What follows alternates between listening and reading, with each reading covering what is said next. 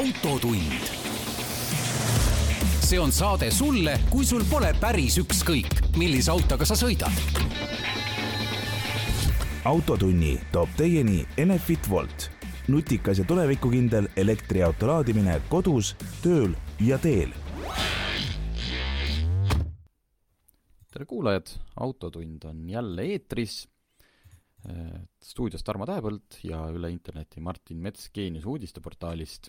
Äh, suvi on õnneks vaikne, autoüritusi küll toimub, just oli väga edukas äh, Youngtimer Camp Laitses, kuhu tuli kokku ligi kolmsada viiskümmend autot, mis on konkurentsitult Eesti üks suurimaid, ma arvan, et ongi üks kõige suurem autokogunemine me oleme Youngtown Campist nii palju siin saates ka rääkinud, et me eraldi praegult sellele ei pühendu, aga kui hakkab järgmine juulikuu saabuma, siis hoidke silm peal, saate, saate vägeva kogemuse.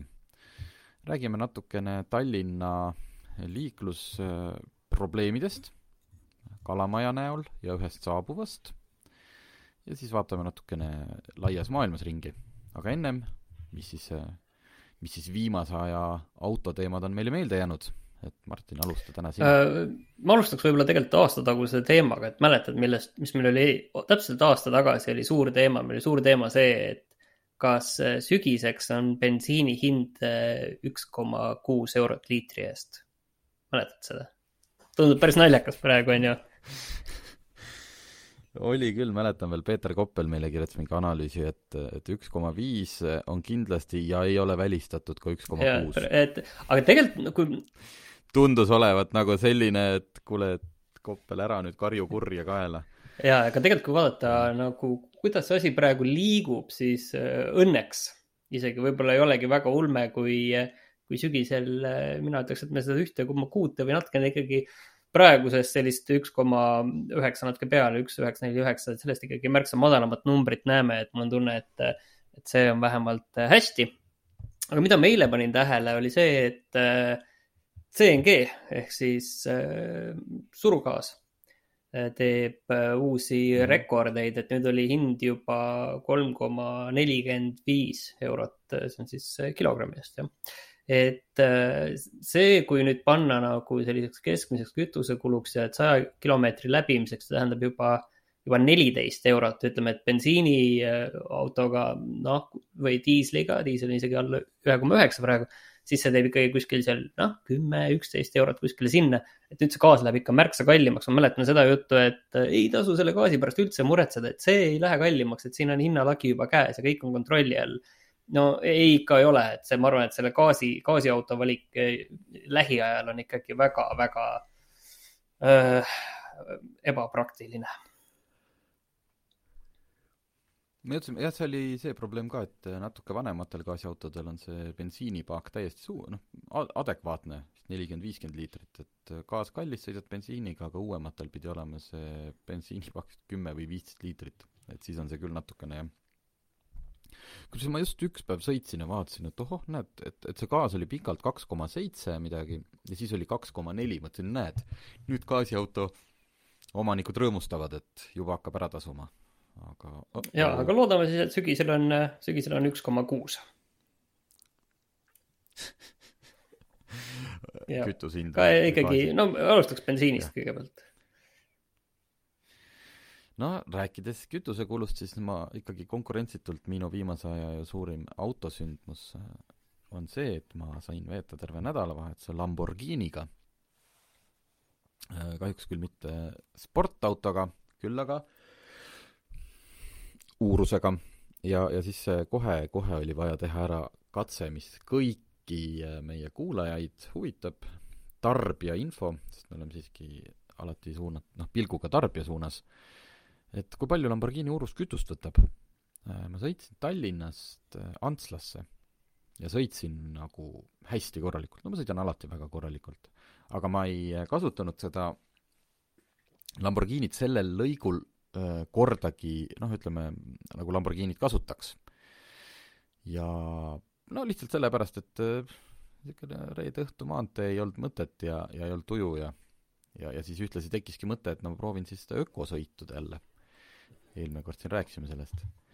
Äh, võin teile öelda, kui te nüüd muretsete, et kas hiigelsuure mootoriga kuuesaja viiekümne hobujõuline äh, linnamaastur on ka öko, siis ma ei tea, on küll.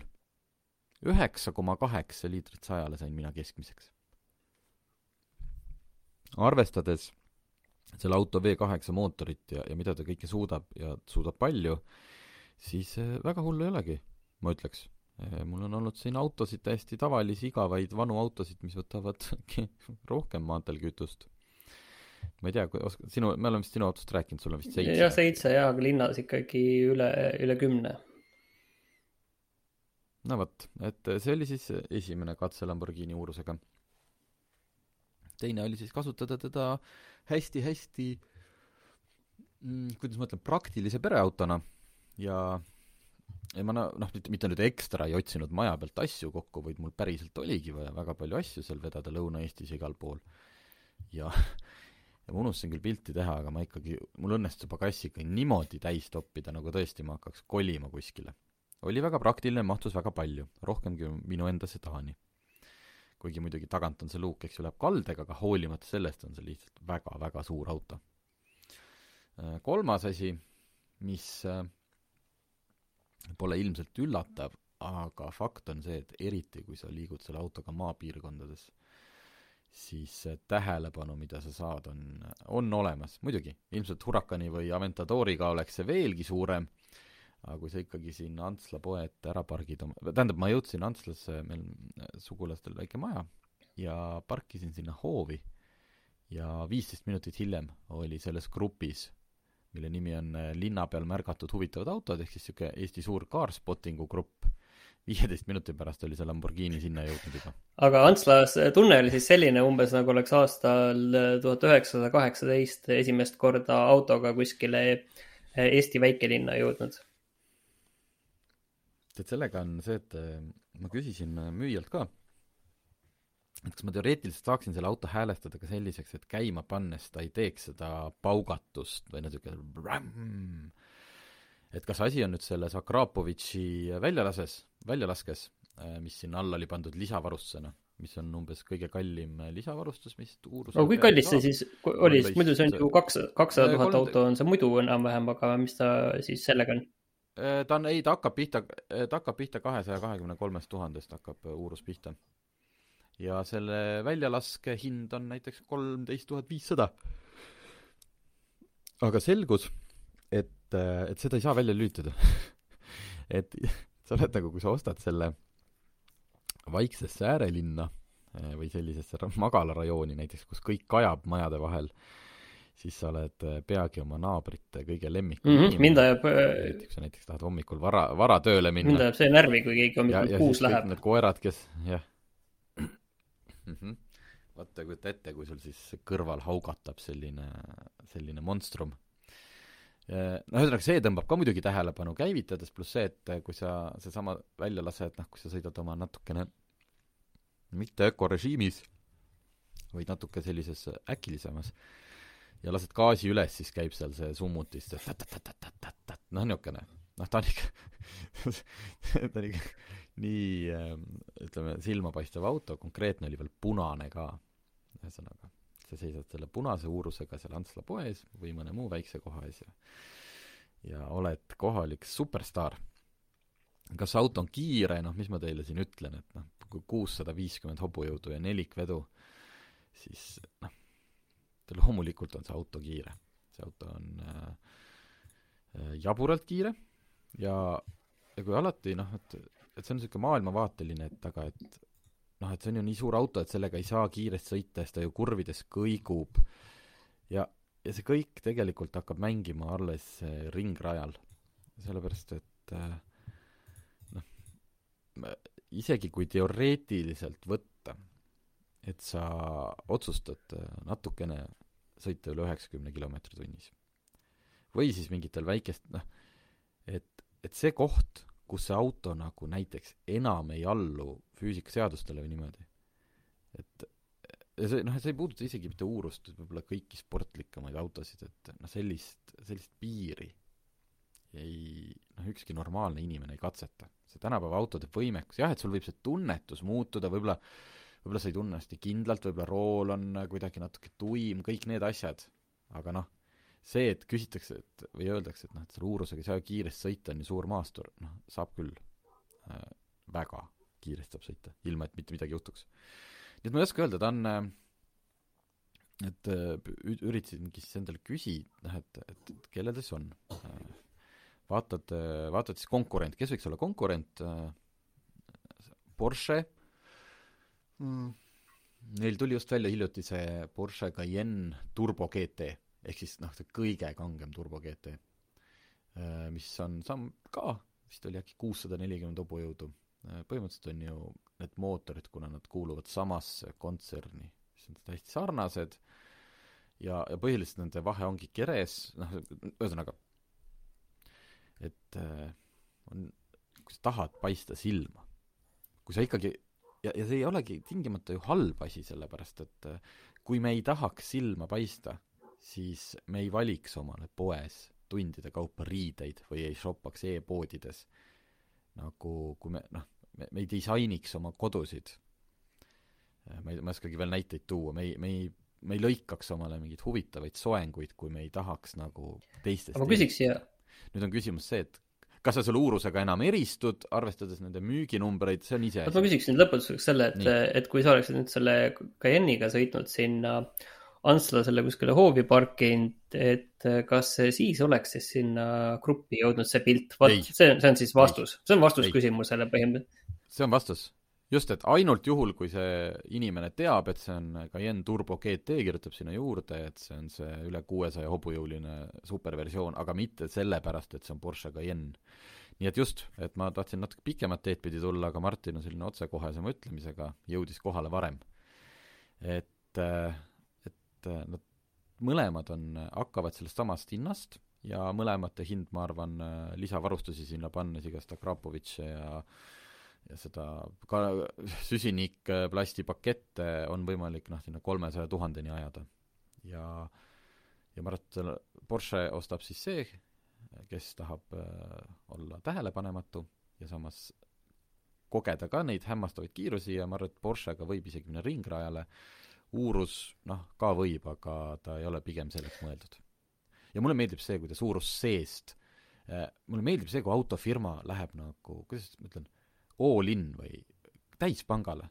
et kui me teeme jabura Lamborghini linnamaasturi, siis me teeme ka niimoodi, et sa paned selle auto käima, sul on noh, nagu lennukil või kui sa hakkad filmid, sa oled näinud, et kui lennuk hakkab mingit raketti välja tulistama, siis sa võtad ennem katte pealt ära mm., et sa kogemata seda nuppu ei saaks vajutada. noh, keskkonsoolis on käivitusnupp, mille sa võtad katte pealt ära ja siis alles vajutad nuppu. noh, see kergpunane. muidugi on lolle asju ka, et ma nüüd äh, mis nüüd uue, äh, selle aast-, mudeliaasta mudelitel muudeti ära.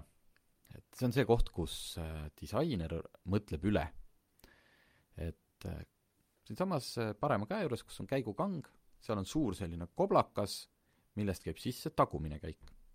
selle kõrval on nupud, millest käib park ja neutraal. aga kus on esimene käik? esimene käik on parema roolilabaga ehk et tahad kohalt võtta, siis vajutad paremat roolilaba korra, seda käiguvahetuse oma, ja sul on esimene käik sees. aga kujuta ette, kui sa nüüd manööverdad ja su rool on välja yeah. pööratud, siis kus asub parem roolilaba Te,? tean seda tunnet äh, väga, väga tüütu, väga tüütu. Äh, mul on endal on see asi just, et kui sa auto ja... paned käima, siis äh, tuleb sul see, noh, kütus hakkab otsa saama, siis viskab ette selle, et et plinn, et oi, sul hakkab kütus otsa saama, onju aga noh, kui sa paned auto käima, siis sa oledki parklas, juba keerad tagurpidi välja ja siis mõtled, okei okay,, ma paneks nüüd selle kütusepläraka kinni, et eest ära, onju. ja siis hakkad otsima. ja no jah, kuskil või jah, okei okay, või seda ja. mingit nuppu seal vajutama rooliratta peal, aga see ratas on lihtsalt välja keeratud kuskile suvalisse kohta sel hetkel juba. et ma tean, mul kogu aeg see, see asi läheb kogu aeg, ajab närvi ja nüüd äh, selle tootmisaasta mudelitel on see ümber muudetud niimoodi, et ta siis äh, mõlemad labad lülitavad sul esimese käigu sisse, et ei ole, et sa ei pea otsima enam. ja, ja mis teine asi, noh, seda ma nüüd ei oska öelda, et kui hästi seda autot hoitakse, sest see oli Itaaliast tulnud tehasauto ja see oli praeguseks läbi sõitnud juba äh, mina sõitsin ette talle üheksateist, noh niimoodi, et number üheksateist tuhat tuli ette. ehk see üheksateist tuhat kilomeetrit tehase demoautoga, mis põhimõtteliselt ma, ma arvan, et see läheb pärast pressi alla, sest ma arvan, et see on saanud nii palju valu, siis äh, see nägi välja minu jaoks, noh, selles mõttes kogu see tunnetus, kõik see oli peaaegu nagu uus auto. jah, sa saad aru, istmenurk on natuke see, vaata, kus juht nagu mm -hmm. niimoodi välja, noh, kust ta välja ja sisse astud, sest ta on kõrge auto, natukene on seal niisuguseid nahakortse, aga, aga hämmastavalt nagu tihe ja kvaliteetne oli kõik. et ei mingeid selliseid naginaid ja kolinaid või mida sa arvaks, et noh, juba kakskümmend tuhat sõitnud auto, kes on näinud nagu elu et äh, väike selline kasutatud äh, uuruse rubriik oli. aga see. kas sa selle uurusega jõudsid ka kalamajja? jaa, ma jõudsin, muidugi ma jõudsin kalamajja äh,. väga ega ta, selles mõttes ta ei ole nagu ülisuur, et kui, kes ei tea, siis sisuliselt on ikkagi selline Audi Q8 sarnane auto, lihtsalt palju efektsem. aga ma saan aru, et äh, me oleme sisenenud Kalamaja liiklusõudusesse ja, et kas su igapäevaelu on Sina..., äh, on läinud nüüd äh, kuidagi muutunud? no ei, muidugi on, kõik on jälle pea peale pööratud, õnneks on suvi, on hästi palju, on siin mujal töötamist, on paar korda isegi puhata saanud, et ma ei ole nagu sellesse, äh, sellesse kõigesse veel süvenenud, ma ei ole pidanud veel noh, tegema seda kõike, kus siin kooliaasta algab, kus tulevad lapsevanemad autodega ja kus siis see päriselt mu ela segama hakkab. aga noh, ühesõnaga, kõik saatekuulajad ei ela Kalamajas ja kõik ei peagi see, me, me ei hakka nagu lahkama konkreetse piirkonna, et kas selline lahendus oli õige või mitte. Äh, miks ma selle teema siia sisse tõin, oli see, et äh, siin on tehtud väga kardinaalseid ja suuri muudatusi, kus äh, varem ühesuunaline tänav on tehtud kahesuunaliseks, kus varem peatee olnud äh, tee ei ole enam peatee. Ja, ja see tähendab seda, et nagu noh, me küsisime seal kõikide, ma nägin, ma filmisin ise seda tänavat, kus äh, ühesuunaline tehti kahesuunaliseks. Ja liinibussid sõidavad äh, vastassuunavööndis, arvates, et seal on kaks rida, mis läheb ühe, ühele poole, kus nad on alati sõitnud ja nad sõitsid ikka veel et ma nagu arvasin, et vähemalt bussijuhtidele, kui toimub selline kardinaalne muutus, lihtsalt tehakse hommikul koosolek ja mina ei tea, kas siis Tallinna Transpordiamet või kes iganes vaatab, et iga jumala bussijuht teaks, et seal nüüd muutus. okei okay.. ja siis on veel tavainimesed. ja hakkasin vaatama seda tähistust ja loomulikult saatsin kõikidele seal osapooltele kirjad, et äh, kuidas siis niimoodi, et kuidas noh, bussifirmale, et kuidas see buss ikkagi seal niimoodi tagurpidi sõidab ja ja mis sa arvad, mis vastuseks tuli? no ma ei, ma ei tea. paku. oled ka, oled ka elus paar, paar päringut teinud? no ütleme niiviisi, et ilmselt siis, et äh, kõik on õige. Te ise saate valesti aru. kõik on õige. autojuhid on ise süüdi, te ise saate valesti aru. on olemas märgid, kõik on olemas, autojuht peab alati sõitma märkide järgi selles mõttes, et kõik on tehtud äh, seadusepügala järgi ja ärge olge ise lollid.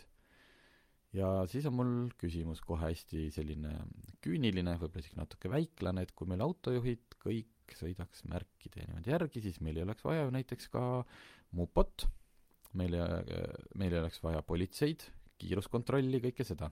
okei okay,, praegult me ei räägi pahatahtlikest juhtidest. Äh, konkreetselt see tänav, mis see on nüüd lõik äh,, issand, Suurtüki ja, ja Põhjapuiestee vahel, Kopli tänav. selle ette on niisugune puu kõrvale pandud märk, kus tegelikult on rõhk sellel, et kui te nüüd pöörate vasakule, siis on seal ülekäigurada. ehk et ärge kedagi alla ajage. ja selle kohal on ka lihtsalt liiklusmärk, mis tähistab muud suunalist liiklust või seda, noh, ühesõnaga siis, et see on nüüd kahesuunaline. Äh, ja siis sinna alale üldse sisenedes on, et noh, ongi, et liikluskorralduse muudatus. aga näiteks sellel samal sõidurajal, kuhu need juhid valesti pöörasid, ei olnud nagu nooli, mis näitaks, et need on nüüd teistpidi. meil on igasuguseid vilkureid, meil on LED-tuled, meil on tehnoloogiasajand. lihtsalt nagu noh, kas või need äh, elektroonilised tah-, teadete tahvlid pane sinnasamma, kus praegult oli see äh, lihtsalt niisugune liiklusmärk puu alla pandud. lihtsalt kaheks-kolmeks nädalaks üks tahvel vilkuma. noh, kui sa pöörad vasakule, siis on seal kahesuunaline liiklus. teine, see, okei okay,, see ei ole otseselt ohtlik koht selles mõttes, et seal ei toimu tõenäoliselt kokkupõrkeid, kiirused on aeglased. aga need juhid, kes siis seisid seal üksteise vastas, karjusid üksteise peale, sest mõlemad arvasid, et neil on õigus, et noh, miks meil seda vaja on. et nagu, kui meil on tehnoloogia sajand, palju hullem on see koht äh, Kalaranna tee äh, tuleb Tööstuse tänavale. Äh, seal oli varasemalt see, et Tööstuse tänav, suur lai tänav, on peatee, Kalarannast tulles pidid teed andma. Äh, nüüd on vastupidi. ja Kalamaja grupp on täis neid kirju, kus inimesed ootavad, tahaks Kalaranna tänavale pöörata tööstusest vasakule, neil on nüüd peatee, aga vastutulijad ei lase neid läbi. no ei lase jah, sest et lihas mälu on sees, noh et äh, me võime öelda, et juht peab olema sada protsenti igat jumala liiklusmärki vaatama. aga kui ta ei vaata, noh, no et siis sama koht, seal peaks olema kõik äh, maailma kuradi vilkurid ja vabandust, ma hakkasin vanduma, läksin käima siin. ja mitte sellepärast, et ma olen kalamaja inimene, vaid sellepärast, et äh, see, kuidas pügala järgi on kõik ja jälle, on juht süüdi. oota, aga muidugi see rahuneb, lõpuks, lõpuks me õpime kõik selle ära ja mitte midagi ei juhtu, aga nagu oota, aga mis selle kogu asja mõte on? miks seda nüüd tehti üldse oh,?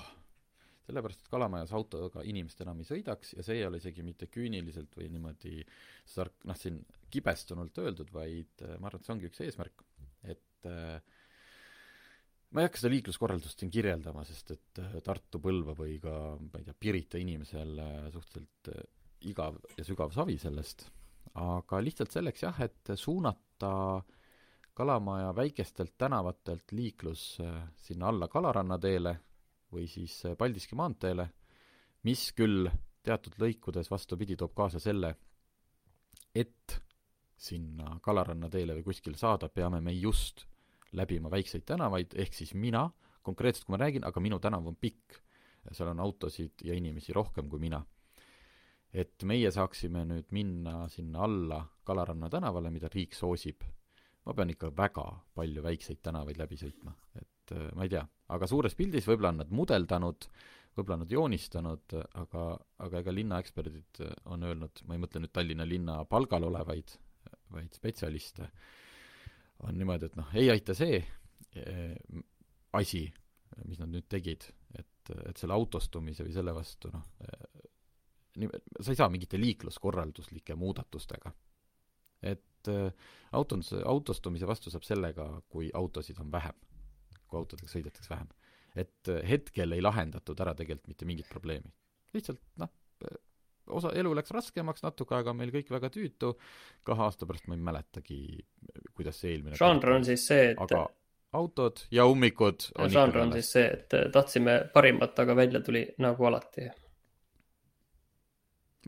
Nojah, aga teine muidu, et, et ma siin linnal liiga ei teeks, teine põhjus selle liikluskorralduse muudatuseks oli see, et põhimõtteliselt vanalinna ümber teha selline suur rattarada, mis ja seal on muidugi kahetised arvamused, paljud arvavad seda, et ah, mis on mingi loll, noh, et kes seda marsruuti üldse sõidab, teisalt jälle inimesed on mulle rääkinud isiklikult, et ja tuledki mõnusasti Kaarli kiriku juurest alla, sul on oma noh, mitte enam see kuskil poole meetri laiune autode kõrval olev noh, niisugune ohtlik asi, vaid päriselt ongi rattatee. et äh, noh, äkki aga äkki me nii saamegi lõpuks selleks nii-öelda aga seoses selle rattateega, kas seoses sellega, vot ma nüüd ei mäleta, mis selle tänava nimi on, aga ma kohe ütlen, see on siis äh, äh Rannamäe tee, et see oli varem äh, kaherealine, aga nüüd see on üherealine, ma saan aru, et äh, ja et seal üks ja. rida on nüüd äh, ratturitele ja teine on äh, autodele ja siis ka ratturite hulgas oli autodele. suur vaidlus, et, et ükski rattur ei kasuta seda teed, aga tore, et te tegite selle rattateeks, aga siis teised ütlesid jälle, et nad kasutavad ja, ja see on ka selline kahe otsaga asi seal. just, et noh, ega see on see, et ükski rattur ei sõida, noh see, aga äkki nad sellepärast ei sõitnudki, et seal oli väga ohtlik ja halb sõita et ma ei tea, mis nende lat-, ratturite alternatiiv siis on, et noh, läbi vanalinna vaevalt keegi sõidab, seal on Munakivitee, et no vaatame, vaatame, see tõeline möll läheb lahti siiski sügisel. ja, ja ütleme niimoodi, et möll, mis ka möll on, et äh, kellel siin on ikkagi peenike pihus, äh, kardab äh, kõrgeid kütusehindu ja gaasi ja kõike muud, siis müüge oma auto Tallinnas maha. sellepärast esiteks tuleb sinna Kalamaja piirkonda, siis ju algab kool, mis tähendab seda, et see hetkel suvel toimuv ummikulaadne toode on köki-möki selle kõrval, mis septembrist algab, aga teine on Tallinna Jõe ja Pronksi tänava neljateistkuuline äh, ulatuslik rekonstruktsioonitöö. noh, kes teab, äh, kes ta on Tallinnas käinud, kes Tallinnas elab, Viru ringist hakkad sõitma siis nii-öelda sinna Pirita poole ja, ja järgmine suur ristmik, mis peale Viru seda, Viru keskust on, ongi Jõe ja Pronksi tänavate ristumine. ja, ja ühesõnaga saate aru, kui ma lihtsalt toon selle näiteks, et kui olulises ja tihedasti liikuvas kohas see remont hakkab, sest sealt tulevad ju laevad, tähendab, mitte la-, muidugi mitte laevad ei tule, aga laeva pealt tuleb liiklus. et ühesõnaga, see on liiklus, mida sa, jah, sa saad suunata reiditeele ja nüüd siis teises suunas suuda-, suunataksegi see liiklus sinna meie juurde Kalamajja, aga et noh, et see ei ole, seal ei ole palju alternatiive inimestel, kes lähevad või tulevad sadamast. ja ei ole ka väga palju alternatiive inimestel, kes tahavad saada näiteks Õismäelt äh, Piritale või noh, kogu see nii-öelda see rannajoon. aga ega siin äh, äh, siin on ERR-i uudises on öeldud, et veel ei ole selge, et kui laialt ja millal uuendamine hakkab liiklust takistama. Abilinnapea ütleb, et äh, on plaanis ehitusega võimalikult paindlik olla et lepingut veel ei ole sõlmitud, aga hanke võitja on olemas, et siis, siis hakkavad selguma detailid, et kust otsast nüüd alustatakse seda ehitust äh, ja, ja kus on, aga noh, samas ega tänavaid on vaja ehitada ja ilm, ilmselgelt ei ole see ka esimene suur tänav, mis Tallinnas remonti läheb. see, see on muidugi huvitav, et see, see remont äh, kestab nagu neliteist kuud, et äh, sügisel alustatakse ja, ja siis äh, valmis saab siis ka ilmselt järgmise aasta sügisel, et see on nagu ka ajaliselt ikka väga-väga mastaapne töö. jaa, et paneme siia endale praegult äh, sellise äh, paberi või meeldetud seinale, et tegelikult äh, tahaks rääkida küll ühe ehitus, tee-ehitus, no ütleme see sõltumatu eksperdiga, kes lihtsalt teab sellest, mitte et siin nagu näidata näpuga, et kas, kas see või teine on loll ja teeb valesti, aga siinsamas Tööstuse tänaval on mingid tohutu torustike remont seal Kalamaja pargi ees. ja see kestab juba kuude kaupa, no see on juba kuid on seal liiklus ühesuunaline, seal on see valgusfoor ja ma mõtlen, et, et kuidas see kõik nii kaua ikkagi aega võtab, et see ei ole üldse pikk lõik. aga võib-olla seal on, noh, ongi nii keerulised tööd, et sa ei saa, et ma ei tea, keevitad mingi soojatoru kinni ja siis see peab päev otsa jahtuma, enne kui sa saad midagi tegema hakata või noh, mõtlesin lihtsalt välja. et jah, tundub küll pikk et äh, ma ei tea, kas, kas Tokyos näiteks on kunagi mõne peatänava remont võtaks neliteist äh, kuud aega. ma kardan, lihtsalt ma olen kuulnud, ma ei, oska seda fakti kinnitada, aga Tokyos on ikkagi sellised äh, või suurlinnades, et kui mõne suure liiklussõlme all on vaja midagi teha, siis on, on tehtud ka niimoodi, et see tee on lahti kaevatud, öösel tehakse töid ja päeval pannakse sinna niisugused suured metallplaadid peale ja liiklus jätkub ja siis, kui tipptunnid läbi saavad, siis tõstetakse üles ja jälle töö jätkub või siis seal all toimub samal ajal juba. et, et seal on see liiklus nii suur, et sa lihtsalt ei saa teha seda, et sa tõmbad mingi olulise sõlme täitsa kinni. aga jah, ikkagi ma ütleks helge noodiga, tore, et ehitavad, äkki saab parem, äkki tulevad rattarajad ja, ja tuleb äh, peatänav ja äh, see, see Jõe ja Pronksi rist oli ju üks põhjuseid, miks äh, ei ole meil Tallinnas veel seda kuulsat peatänavat jaa, äkki tulevad isegi elektritõuksi tänavad. ennem on vaja see, ennem on vaja see ära lahendada. jaa, ärme elektritõuksidest praegult räägi, mulle need väga meeldivad ja ma ei taha aga räägime siis millestki muust, vist positiivsest. vist positiivset. teeme paar jah, sellist mõnusat uudisnuppude, ühe lõppu, et äh, me tegime siin proovisõitu ühe elektriautoga.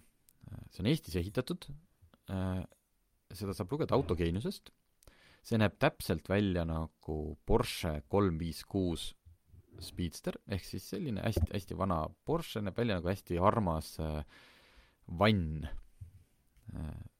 kes Porschedest teab, saab aru, millest ma räägin äh,. tegemist on muidugi replikaga, et need kerepaneelid ja need kõik on ikkagi ise tehtud, aga see auto liigub elektri jõul. see auto, nad, selle on ehitanud Meelis Merilo, kes on näinud näiteks ühte elektrilist Pobedat või rohelist Vaz kakskümmend üks null kahte, mis on elektriliseks ehitatud, siis tema on üks siin tiimi liikmetest, siin on neid rohkem, siin on Sandfox, no Meelis Merilo on, ongi Sandfoxist, oih, nüüd ma kloppisin pildi lahti.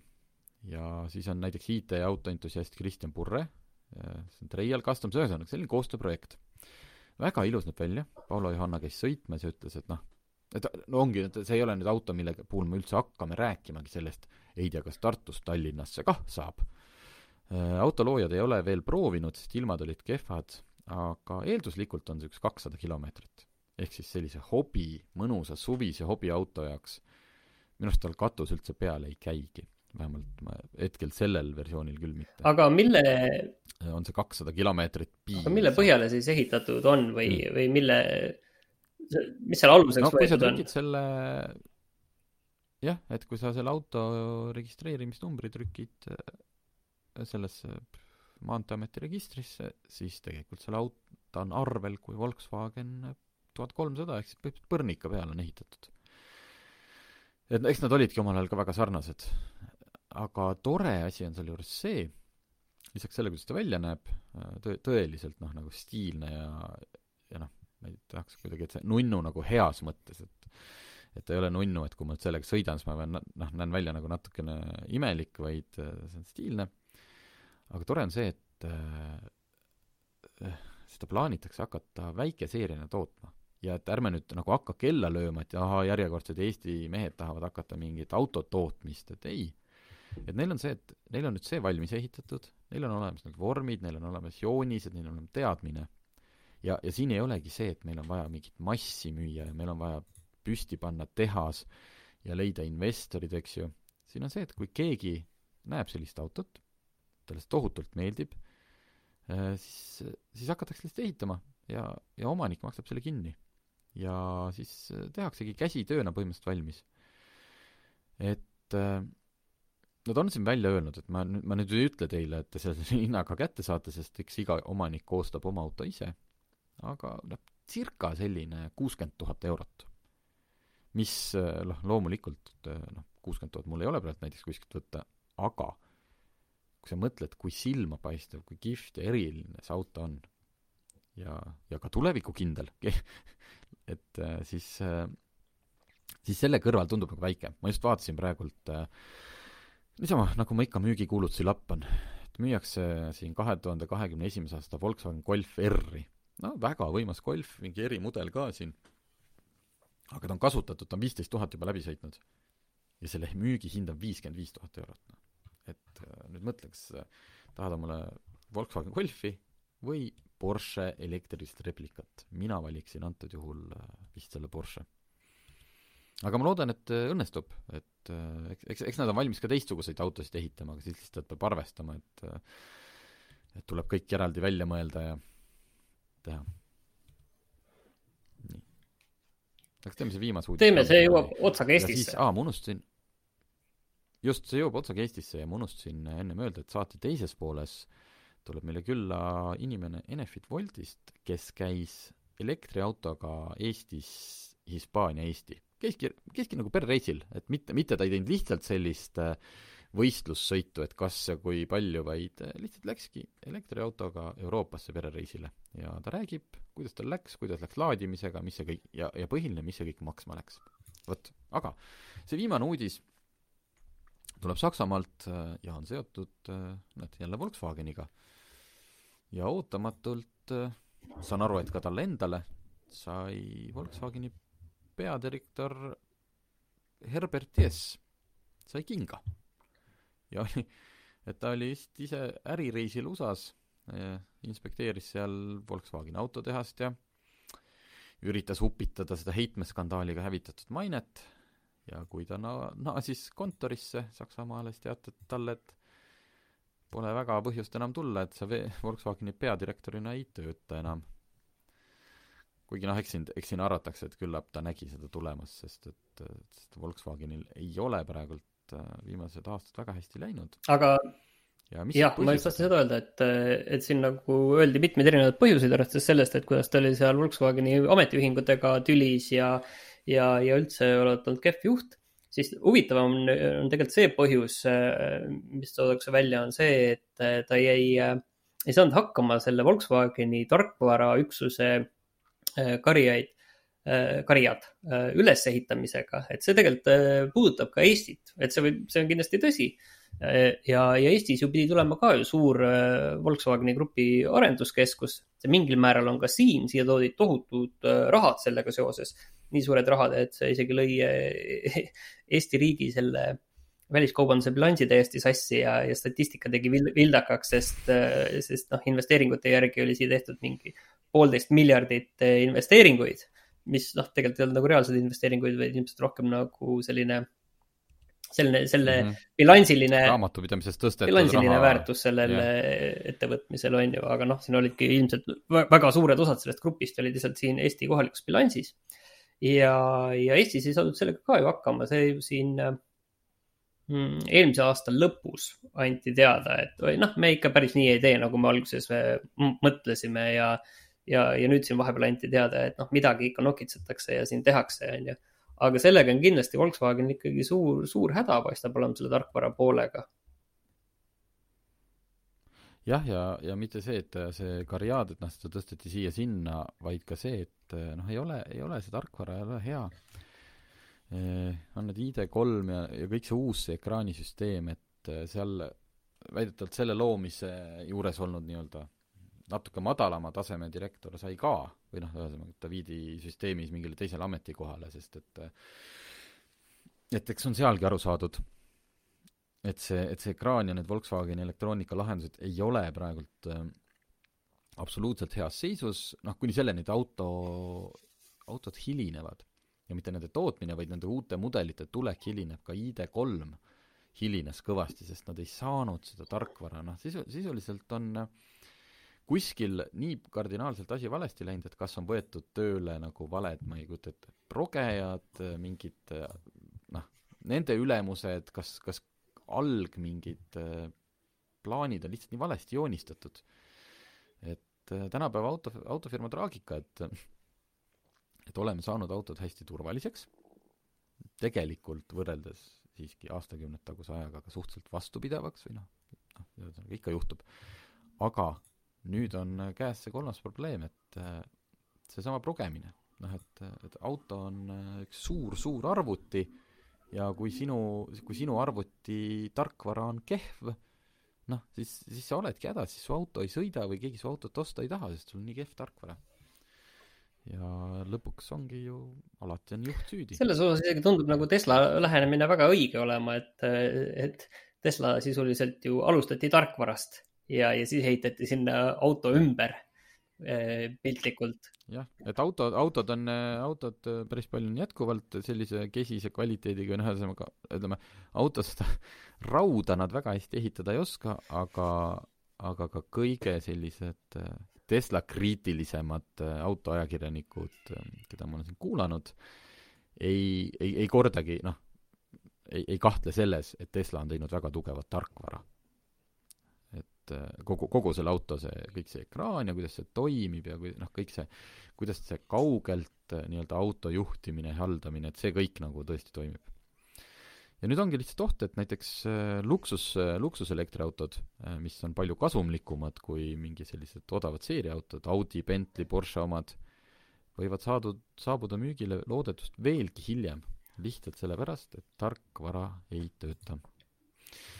nii et, aga õnneks kui kellelgi siin hakkas Herbert, Herbert Diessist väga kahju, et ta ju tegelikult tahtis kindlasti head, siis väga kurb ei ole, sest et palk pidi ja töölepingusse kirja pandud palk peaks jooksma edasi kahe tuhande kahekümne viienda aasta oktoobrini.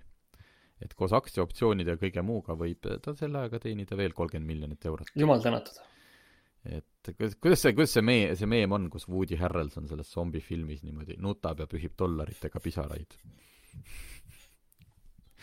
vot, aga me oleme siin äh, Martiniga nüüd lobisema jäänud, sest pole pikalt saanud rääkida ja nüüd tuleb stuudiosse Armen, kes räägib meile, mis autoga ta Hispaanias käis ja kuidas tal sellega läks. ja nüüd on äh, meie stuudiosse tulnud äh, Armen Kasparov, kes on Eesti Energia energiatoodete juht. Ja ta on siin äh, sellepärast, et võttis ette minu jaoks võrdlemisi kangelasliku teo, sõitis elektriautoga, kas see oli Eestist Hispaaniasse ja tagasi? just nimelt okei okay., minu rekord on siiamaani Setumaale ja sellest ma räägin tavaliselt juba mitu aastat, räägin sellest ühest reisist Setumaale, kus mul oli väga raske laadimisega. mõni mees käib Hispaanias, loen siin elektriautode grupist neid seiklusi siin see suvi teistelgi, aga võtame kõigepealt faktid, mis auto? Škoda Enyaq iV kaheksakümmend, siis kõige suurema akuga. kõige suurema akuga, mis selle lubatud keskmine siis äh, läbisõit on? kas ta on viissada kakskümmend? viissada kolmteist lubavad seal VLTP järgi, aga noh, ma ei ole selliseid numbreid veel linnas isegi saanud, circa viissada olen küll välja venitanud. okei okay., selline siis maksimum viiesaja kilomeetrise sõiduulatusega auto ja kas selline reis, kuhu sa Hispaanias sõitsid? ma sõitsin Valencia piirkonda, sealt natuke isegi allapoole mm. -hmm. kas see reis oleks toimunud nagunii, kui sul ei oleks ka hetkel elektriautot või see oli nagu omamoodi eesmärk, et ma nüüd tahan seda teha just nimelt elektriautoga? see reis oleks toimunud igal juhul autoga, eelmine aasta ma käisin CNG gaasiautoga, kui mul oli veel olemas ja nüüd oktoobrist olen elektriauto omanik, et äh, igal juhul see toimu-, oleks toimunud üht, ühtepidi või teistpidi okay.. aga sellist äh, kahtlust ei olnud, et äh, noh, nüüd on puhkus, tahan Valencia kanti minna, et äkki ikkagi võtaks sõbralt või rendiks või kasutaks mingit muud autot selleks? sellist kahtlust ei olnud, mul oli autoga väike probleem, et võib-olla auto ei saa õigeks ajaks valmis, mul oli seal üks garantiijuhtum mm, -hmm. aga õnneks Škoda nädalaga tegi selle asja korda ja sain reisile asuda. okei okay. äh,, mitu kilomeetrit see kokku tuli lõpuks? Äh, kokku tuli kaheksa tuhat kaheksasada viis kilomeetrit Tallinnast Tallinnasse põhimõtteliselt, noh.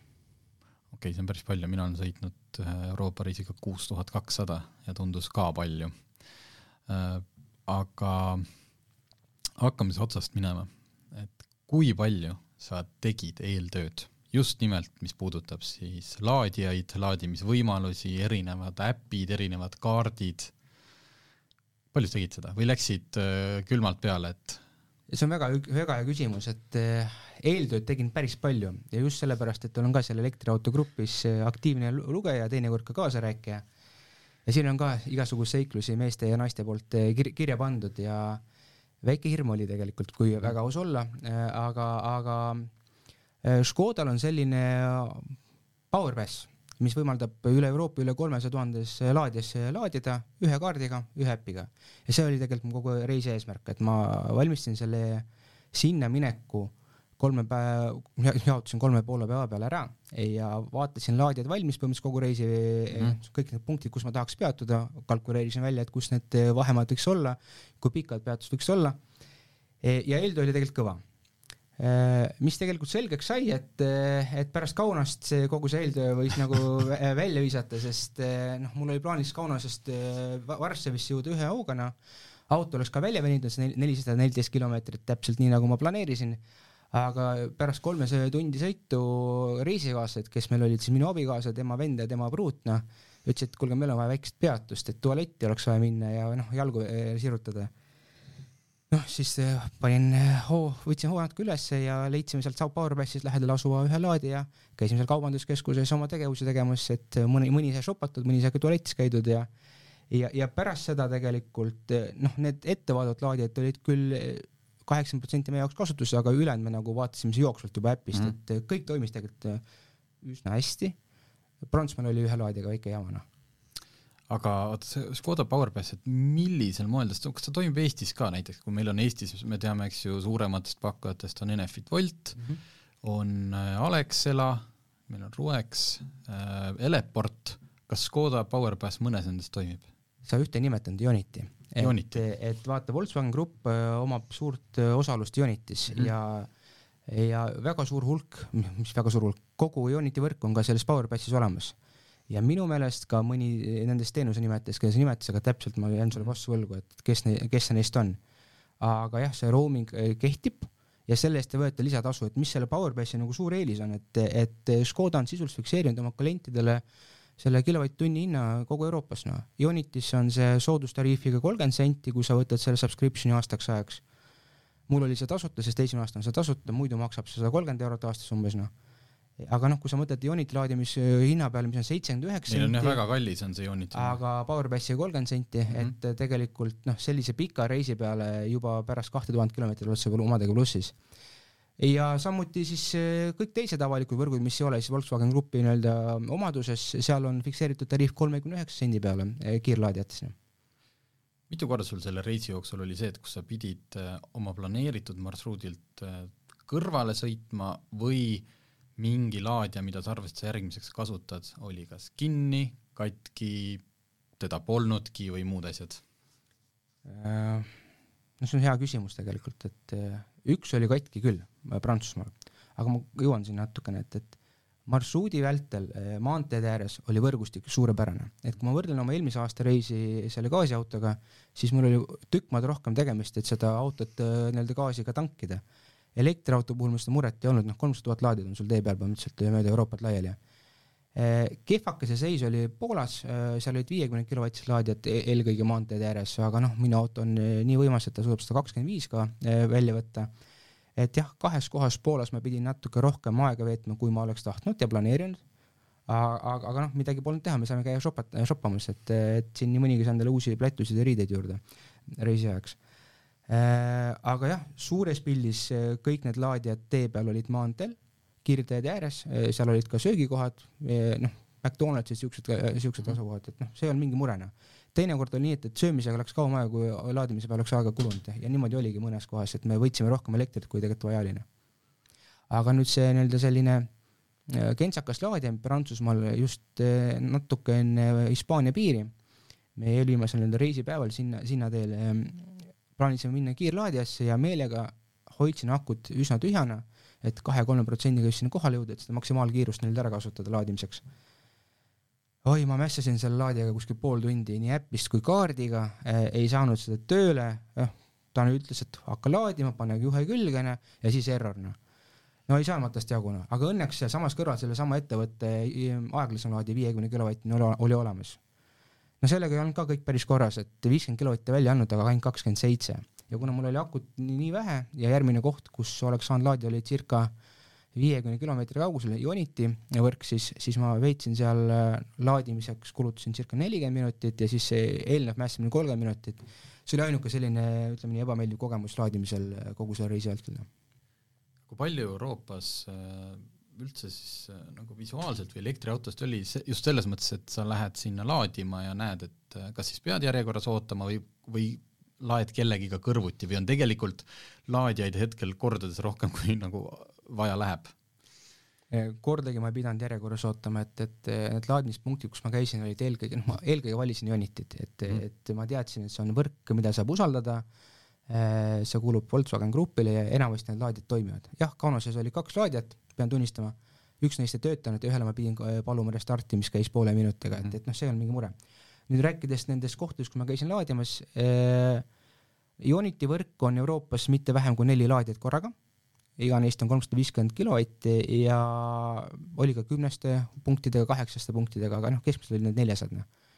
ma ei pidanud kordagi ootama, pigem oli see hästi äge tunne, et, et sai, sai teiste meeste ja naistega räägitud, et kuidas neil see reis kulgeb ja mis nende võlud ja valud on, et ühe saksa härraga sai päris pikalt Dresdenis räägitud, ta just parasjagu laadis oma Fiat viitesadat.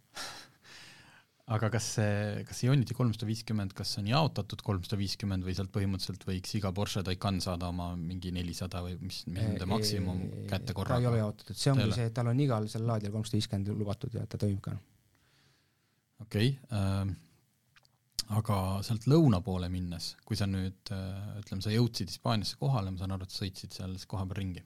natuke sai sõidetud ka kohapeal ringi jah, et noh, ma märgin ära, et Prantsusmaa oli ka ideaalne. Prantsusmaa laadimisvõrgustik ideaalne, seal nii Ionitit kui kohalik Total eh, päris hea töö ära teinud ja Allego eh, kiirlaadijad eh,, noh nendes Ioniti välislaadijates on kolmsada viiskümmend laadimispunkt, mis on jaotatud, seal on kaks otsikut, et sada seitsekümmend viis korraga saad võtta, noh kui üks auto, siis kolmsada viiskümmend loomulikult noh. Aga vot, vot Hispaania oli selles mõttes, noh, ma teadsin, mis seal seis on, tegelikult ma olin juba selle ette, selle uurimistöö ära teinud, et eh, kiirlaadimine sai sisuliselt minu jaoks läbi Girona juures, viimase Ioniti laadijaga, järgmine Ioniti oli ju Malaga piirkonnas, kuhu mul ei olnud plaanis minna. Ja nii-öelda siis nii-öelda Girona ja Havea, kus me lõpp destination nagu nii oli, et, et seal vahepeal ma pidin viiekümne kilovatist kasutama. Mis tegelikult oli nagu selles mõttes piin, et äh, ühes punktis, kus me tegime ka lõunapausi äh,, oli meil juba lõuna söödud ja pidime veel kakskümmend minutit ootama, kui Prantsusmaal ja, Saksamaal oli seis see, et, et lõuna ei olnud äh, veel söödud ja auto juba täis, noh, siis Hispaanias oli see vastupidi aga täis, täisaku puhul sa räägid siis pigem kaheksakümnest protsendist või sajast? Eh, no see punkt Hispaanias, mis ma praegu mainisin, oli plaan just sada prossa võtta, sest mul oli täpselt eh, kolmsada seitsekümmend kilomeetrit vaja sõita, et ma ei viitsinud vahepeal veel ühtegi peatust teha mm. aga muidu jah, eh, laadimine käis mul suures pildis kümnest kaheksakümneni või isegi kümnest viiekümneni, vastavalt sellele, kus ma tahtsin järgmist peatust teha mm. kõige lühem peatus oli neli minutit näiteks, noh, täpselt, et tualetis ära käia ja oma, oma peaaegu seitsekümmend kilomeetrit juurde võtta äh, kas igapäevaselt seda autot ja siis ka reisil see, see kaheksakümmend, et äh, mul on alati nende avalike laadijate puhul, kus mõnes populaarsemas kohas Eestis on ikkagi kipuvad järjekorrad, kas, kas elektriauto omanikel on juba tekkinud välja mingi selline nagu eetika, et, et sa avalikus kohas tegelikult, kui keegi vähegi ootab, siis üle kaheksakümne ei lasta? kas on mingid kirjutamata reeglid juba tekkinud? et sa näed, et keegi pargib juba niimoodi ennast ootele ja siis sa oma viimast kümmet sinna nagu tunni ajaga ei hakka ju pressima või, või? Üldse? no see viimane kümme ei ole küll tund aega, et, et sa nagu no, no, lähed liiale, et, et ta umbes, umbes kakskümmend, kolmkümmend minutit vahemikku jääb, aga eh, noh, ma võin enda eetikast rääkida, ma teiste kohta nagu ei oska, ei oska öelda, et, et eh, me tagasiteel eh, sõitsime läbi Barcelona, kus me käisime outletides ja seal oli väljas kaks Iberturala laadijat viiekümnest, mõlemad olid kinni, kui ma kohale jõudsin ja vahepeal oli vaja kotte juba autosse viia, vaatasin, et, et ohoh, üks on vabanenud Läksingi sinna äh,, panin viiekümneni ja kohe, auto oli täis, ma võtsin auto eest ära, et noh, minu puhul ma, ma tunnetan selle nagu äh, valu ära, et kui klient või mingi teine klient tahaks sinna minna ja, ja mina olen seal ees, sellepärast ma tahan seal kolm tundi shopata, jube nõmene mm, -hmm. jube nõme äh,. aga, aga ma arvan, et, et äh, enamustele pole selle pähe jõudnud ilmselt, sest noh, Poolas mul oli kogemus, kus äh, Volkswagen Arton parkis elektriauto laadimiskoha ees ja mitte kuidagimoodi ma sinna ligi ei saanud kohalik Mustangi mees sõitis jalaga teele ja parkis auto sinna ära, et, et pistikule külge saada -hmm.. okei äh,, mis äh,, kas läksid läbi Saksamaa ka, eks ju? Läksin läbi Saksamaa ka. kas sa oma reisil kuidagi sättisid ka, et oleks mingi tavalise autoga, noh, oleks, ma ei tea, seal mis iganes see liiklusvool võib mingil hetkel olla sada kuuskümmend või kui palju sa pidid ennast lihtsalt tagasi hoidma sellepärast, et sa ei taha elektrit kulutada või tegelikult see auto noh, juba panebki viimase auru peale, et no teeme endale selgeks, et ENIAC suudab sada kuuskümmend sõita korra, see ei ole probleem tema jaoks, et see ongi ta piir mm. -hmm. taho, see digi-, digitaalne näidik näitas sada kuuskümmend neli, aga ilmselt seal on mingi spidomeetri eksimuse protsent ka sees e,. sinna sõites või planeerides reisi ma mõtlesin, ma teen sellist ökosõitu saja kümnega, nagu on ette nähtud VLTB puhul, noh e,. reaalne elu on see, et, et noh, nagu ma ütlesin, mul reisikaaslased ei kannata üle kahe poole kolme tunni autos korraga sõita kui sa kümnest kaheksakümneni võtad, siis ongi kakssada viiskümmend, kolmsada kilomeetrit ja said sada kolmekümnega, saja viiekümne sõita, ehk ma ei pidanud ennast tagasi hoidma. ja tegelikult äh, ma ei kavatsegi ennast tagasi hoida kiirteel, et, et see asi on jube mõistlik.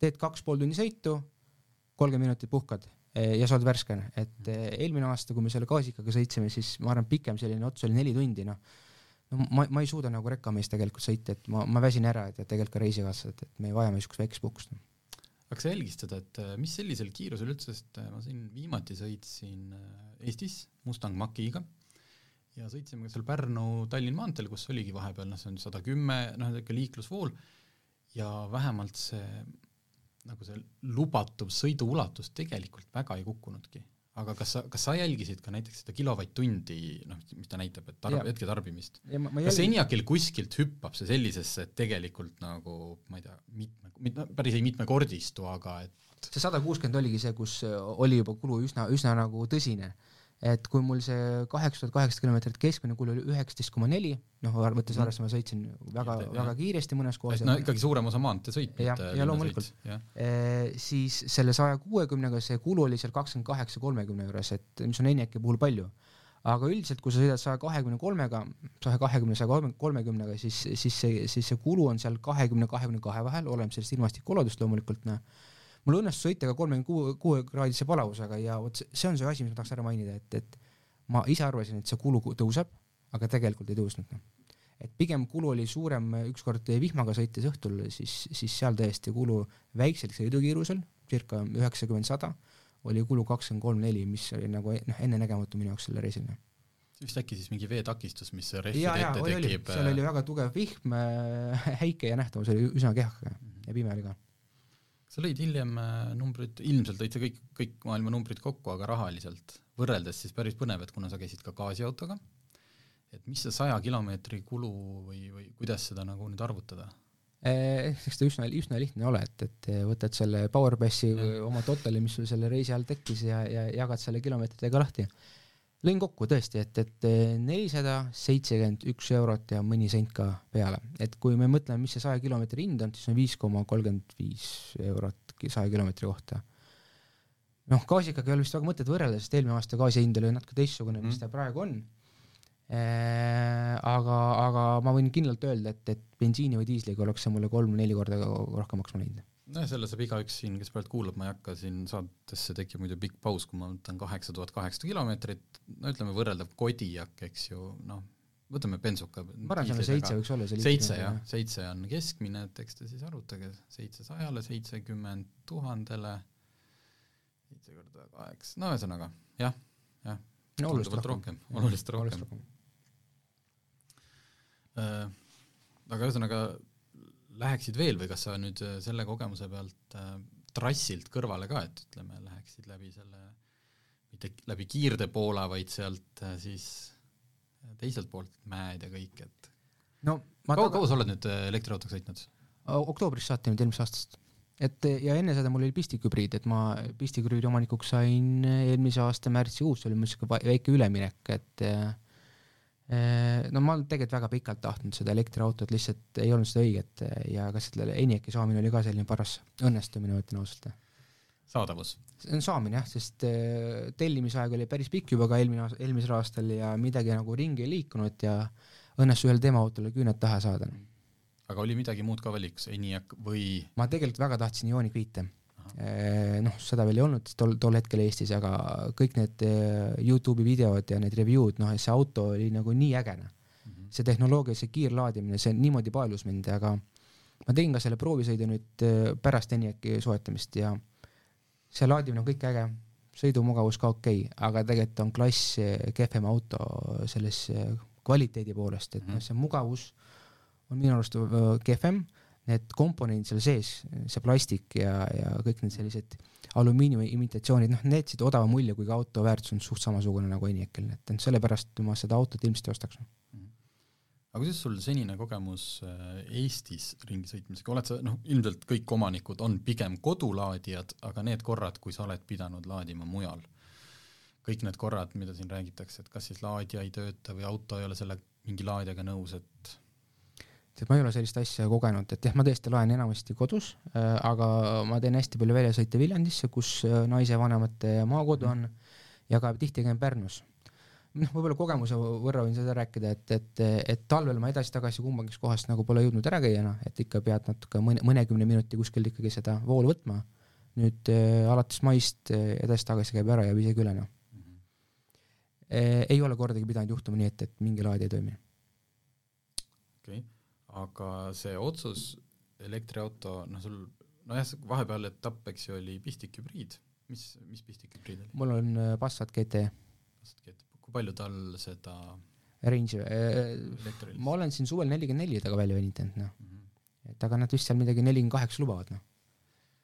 jah, sellega tekib see harjumus lihtsalt iga õhtu auto nagu võrku panna, vist ilmselt iga õhtu ei pea panema, kui sa ei ole just maanteesõitu teinud, eks ju. ENIAC-i ma lähen tegelikult maksimaalselt kaks korda nädalas, maksimaalselt mm. et kui ma esmaspäeval ta täis laen, siis reedeks ta pole veel päris tühi, aga et nädalavahetuse sõidud mõne, mõnikord tulevad ette, siis ma ikka võtan kaheksakümmend protsenti täis. Noh. aga seda elektriauto ostmise mõtet, tegid sa Exceli ka ikkagi ennem või? sest noh, nüüd siin hiljuti ma lugesin, et ERR tegi arvutused, täpselt sama ENIAC versus Kodiaq ostuhind, kõik, kõik ja, ja leidsid, et juba on nagu ENIAC tuleb nagu soodsam äh, praeguste kütuse ja siis praeguste elektrihindadega. no ma teen enamus asju oma elus Excelis, et Teed. käib mul ka töö juurde ka kaasas, et, et ma teen kõik Excelis. kas siis, kui sina otsuse tegid, kas siis oli see aga minu Excel ei olnud kuidagi seotud sellega, kas see bensiini, diiselauto või elektriauto, minu Excel oli seotud sellega, palju ma tahan kuus elek-, auto eest maksta mm. -hmm. ja mul oli teatud hinnapiir autole seatud, et äh, ma üle neljakümne tuhande ei tahtnud sellest maksta, noh. Noh, see oli selline mu ideaalne liisingu piir, aga no kuna mul kolleegidel on erinevaid elektriautosid ja Leaf on neist kõige populaarsem, siis korra mõtlesin Leafi peale, aga, aga abikaasa tõmbas selle kohe kiiresti kriipsu peale, sest talle see auto lihtsalt ei meeldi väliselt. Noh. ja noh, ja eelmine suvi me tegelikult tegime ka väga mitmete elektriautodega proovisõite, nädalavahetusel võtsime autosid ja katsetasime. kaks tuhat kaheksa oli katsetamisel ENIAC, siis äh, see C4 vist on see öö, see elektri oma vist peaks olema. Äh, noh ütleme et ENIAC oli no, kohe arusaadav, et see auto meile meeldib, noh. meile ei meeldinud selle auto hind lihtsalt, noh. et ma pidin psühholoogiliselt endaga päris palju nagu seda tööd tegema, et, et, et selle otsuse ära teha ja see kuidagi ei ole seotud selle kütusekuluga, ma teadsin, et kütusekulu mul nagunii ei ole, sest ma kavatsesin panna oma majale päikesepaneelid, noh mm -hmm. Ja need on ka pan-, pandud nüüd sellest aastast märtsikuust ja et enamus mu elektrist tuleb tegelikult sealt, noh. väga hea aga okei okay., milline järgmine reis on?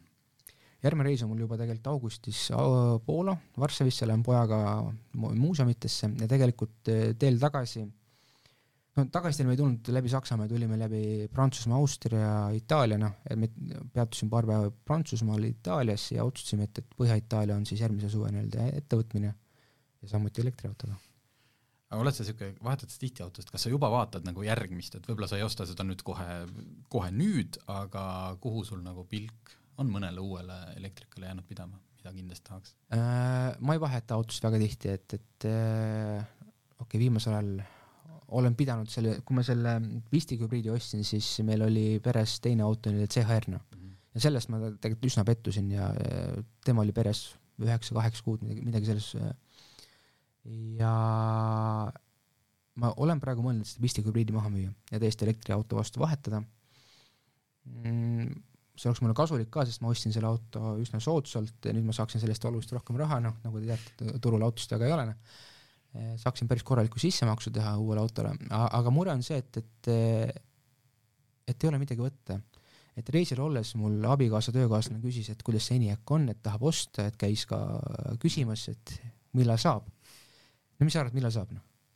no aasta vähemalt. poolteist, et esimene jaanuar kaks tuhat kakskümmend neli saab ta auto kätte ja tegelikult eh, kui ma selle Ioniq viite proovisin, siis ka mulle öeldi, et, et ma proovisin seda vist eh, veebruaris või märtsis, noh, öeldi, et noh, aasta pärast ehk saad. Äh, mida ma olen vaadanud? mulle on silma jäänud see Kiia EV6, aga minu arust see hind ei ole väga hea. -hmm. ma täna vaatasin seal kuuskümmend kuus tuhat.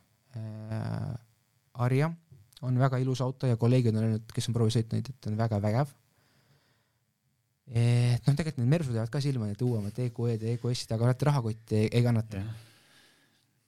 et jah, ma tõesti vaatan elektriautode poole, et mida siis selle pistikupriidiga peale hakata, aga senimaani ma arvan, et, et kuni järgmise aasta märtsini ilmselt seda otsust ma ei tee, noh no selge, aga näete, on võimalik äh, täiesti ära käia ja ilma selliseid äh, kuskil kiirtee ääres äh, mingit puksiiri või ootamata, et nüüd oled hädas juba elekter sai ootamatult otsa.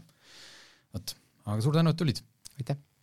autotunni toob teieni Enefit Volt, nutikas ja tulevikukindel elektriauto laadimine kodus, tööl ja teel